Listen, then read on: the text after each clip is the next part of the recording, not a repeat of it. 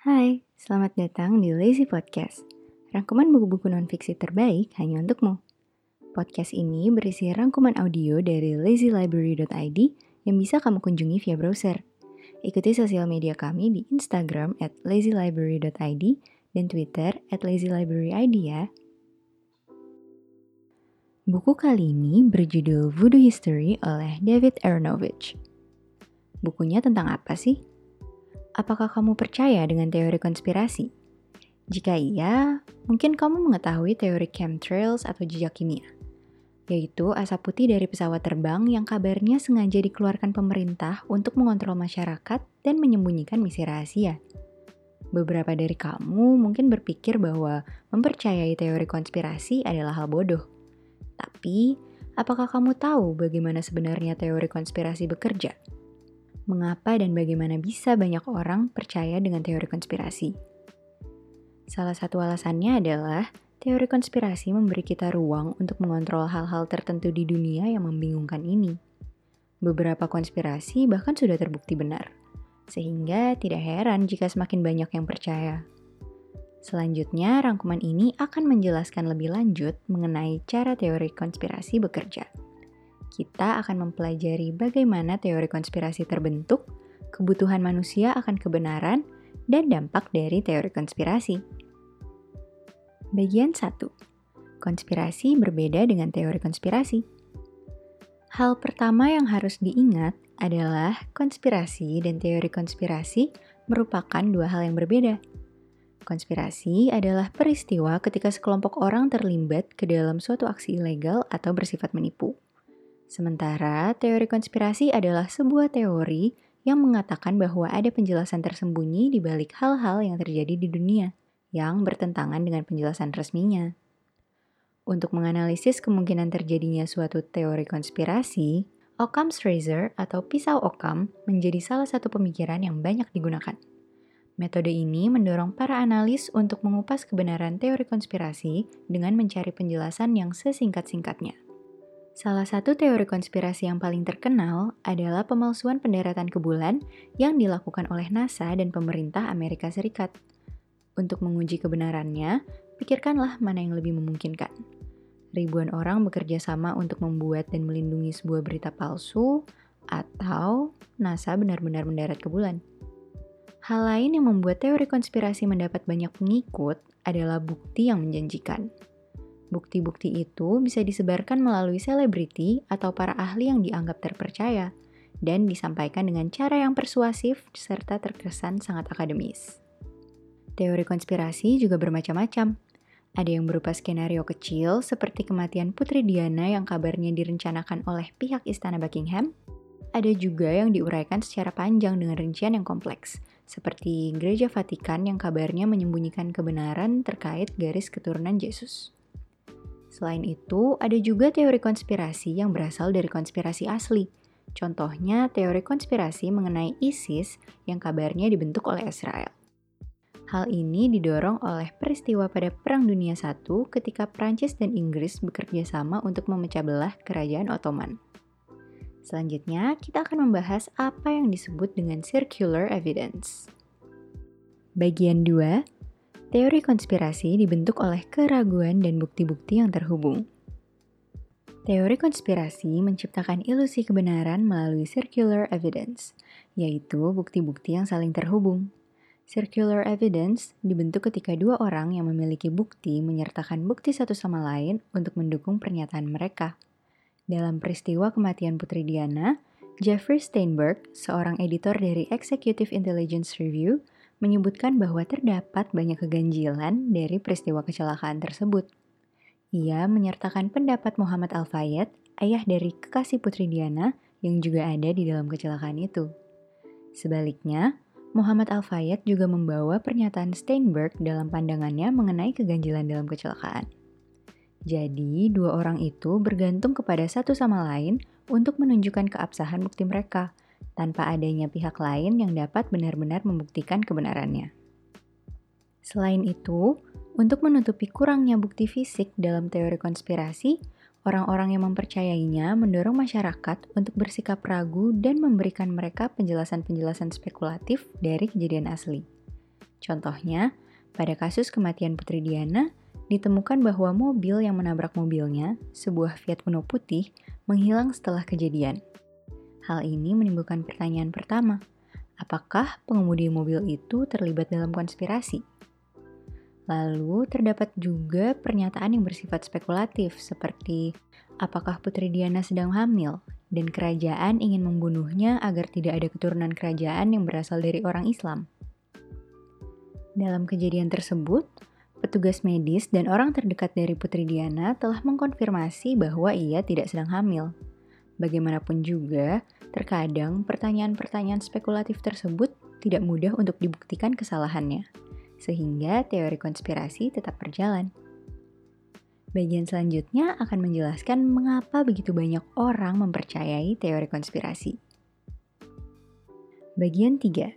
Teori konspirasi memberikan kita kemampuan untuk mengontrol dunia. Salah satu alasan mengapa banyak orang yang mempercayai teori konspirasi adalah karena teori konspirasi memberikan mereka wadah untuk mengontrol dan menjelaskan segala kejadian yang ada di dunia sebagai jawaban atas masalah yang mereka hadapi sehari-hari. Teori konspirasi biasanya diciptakan oleh seseorang yang berada di luar kelompok politik atau kelompok ekonomi yang berkuasa. Dengan membuat teori konspirasi, mereka dapat menjelaskan segala masalah yang mereka hadapi dengan menyalahkan kelompok yang dianggap berkuasa, sehingga memberi mereka perasaan tidak bersalah.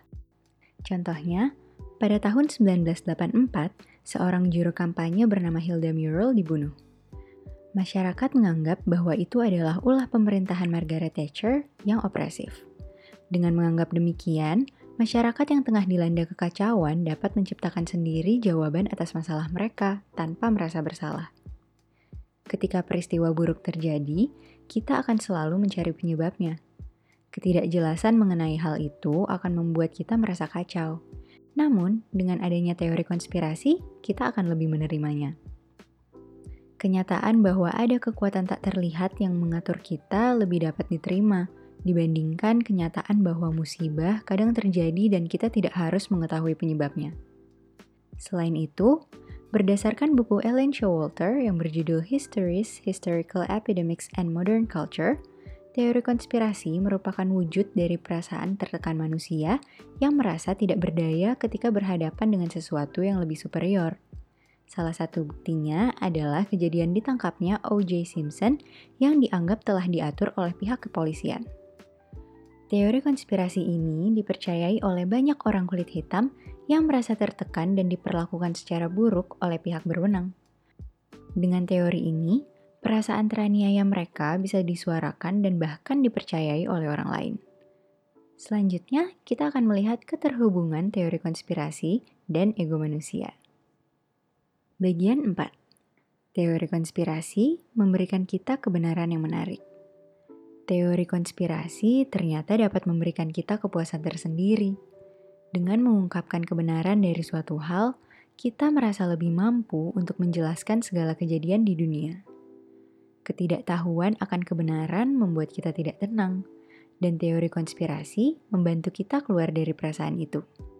Di dunia ini, kebohongan merupakan hal yang biasa, dan manusia cenderung menutupi kebohongan mereka. Bagi manusia, memperlihatkan suatu kebohongan yang tersembunyi menjadi kebutuhan tersendiri bagi mereka. Bahkan, ketika tidak ada kebohongan, manusia selalu ingin mencari kebenaran yang tersembunyi. Contohnya dalam karya fiksi. Teori konspirasi yang terdapat dalam karya fiksi juga dapat membuat orang tertarik. Salah satunya adalah buku The Da Vinci Code yang menceritakan tentang teori konspirasi di Gereja Vatikan. Menurut Dan Bernstein, orang-orang menyukai buku yang ia tulis karena cerita di dalamnya mendorong keingintahuan pembaca secara mendalam. Cerita tersebut membuat pembacanya merasa ragu dan memberikan mereka gambaran mengenai hal yang bisa saja terjadi di dunia nyata, atau dalam hal ini di Gereja Vatikan yang asli. Pada kenyataannya, beberapa gereja Katolik memang telah berkonspirasi menutupi banyak kasus kekerasan seksual selama berpuluh-puluh tahun. Teori konspirasi juga menarik ketika berhubungan dengan seseorang yang terkenal. Kematian dari orang-orang terkenal sering kali menjadi sumber munculnya berbagai teori konspirasi. Terkadang, obsesi masyarakat akan suatu tokoh memberikan tekanan tersendiri bagi tokoh itu dan menjadi penyebab kematiannya. Ketika ia meninggal, masyarakat akan merasa bersalah. Namun, dengan adanya teori konspirasi, mereka bisa menghilangkan rasa bersalah itu dengan melemparkannya ke pihak lain. Dalam kasus ini, sang pembunuh. Oleh karena itu, kita dapat melihat bahwa teori konspirasi memberikan manusia suatu kebenaran yang mendukung ego mereka. Pada bagian selanjutnya, kita akan membedah dampak positif dan negatif dari teori konspirasi. Bagian 5. Dampak positif dan negatif dari teori konspirasi. Ada bermacam-macam teori konspirasi di dunia ini, dan dampak yang dihasilkan juga berbeda-beda. Teori konspirasi tertentu dapat membantu kita menemukan suatu kejelasan dari suatu kekacauan, dan itu membuat kita merasa nyaman. Contohnya kasus kematian Putri Diana. Sulit bagi masyarakat untuk menerima kenyataan bahwa ia meninggal karena takdir. Dengan berpikir bahwa kerajaan Inggris merencanakan kematiannya, masyarakat dapat menemukan pihak yang lebih jelas untuk disalahkan, dan secara tidak langsung dapat membuktikan bahwa Putri Diana seharusnya masih hidup. Teori konspirasi banyak dipercaya karena memiliki penjelasan yang terperinci mengenai suatu peristiwa dan menjelaskan bahwa segala sesuatu tidak terjadi secara kebetulan. Walaupun belum dipastikan kebenarannya, teori konspirasi dapat membuat manusia merasa tenang dan menemukan kepastian di tengah ketidakpastian. Di sisi lain, teori konspirasi juga bisa menyebabkan munculnya tragedi baru. Contohnya peristiwa Holocaust. Setelah Perang Dunia I, terdapat teori konspirasi dari sebuah dokumen berjudul The Protocols of the Elders of Zion. Isinya menyatakan bahwa sebuah organisasi rahasia milik kaum Yahudi telah berkonspirasi untuk mengambil alih dunia dan menjatuhkan semua kekuasaan, sehingga para Nazi memutuskan untuk menghabisi kaum Yahudi. Melalui hal ini, kita dapat melihat bahwa teori konspirasi tidak selamanya memberikan kejelasan yang baik, namun dapat menjadi alat untuk propaganda dan kebencian. Bagian final. Teori konspirasi tidak memberikan kita bukti yang masuk akal. Untuk menjadi terpercaya, teori-teori itu perlu ditelusuri lebih lanjut.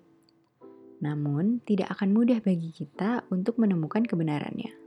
Karena walaupun tidak bisa dibenarkan, teori konspirasi juga tidak mudah disalahkan. Kepercayaan terhadap teori konspirasi dapat memberikan kita rasa nyaman, namun di sisi lain dapat memunculkan musibah baru. Petikan ilmunya, ketika berhadapan dengan teori konspirasi, gunakanlah pisau Occam untuk menganalisis kebenarannya. Carilah beberapa penjelasan dari peristiwa tersebut. Penjelasan yang benar biasanya adalah yang paling sederhana. Hal ini juga dapat mencegah kita untuk menciptakan spekulasi-spekulasi yang tidak perlu. Jangan sampai kita mempercayai hal yang belum tentu benar hanya karena kita butuh kejelasan. Terima kasih sudah mendengarkan. Kembangkan dirimu setiap hari dengan rangkuman-rangkuman terbaik dari kami. Ikuti kami di Instagram at lazylibrary.id dan Twitter at lazylibraryid. Serta jangan lupa untuk share rangkuman ini ke orang-orang terdekatmu ya.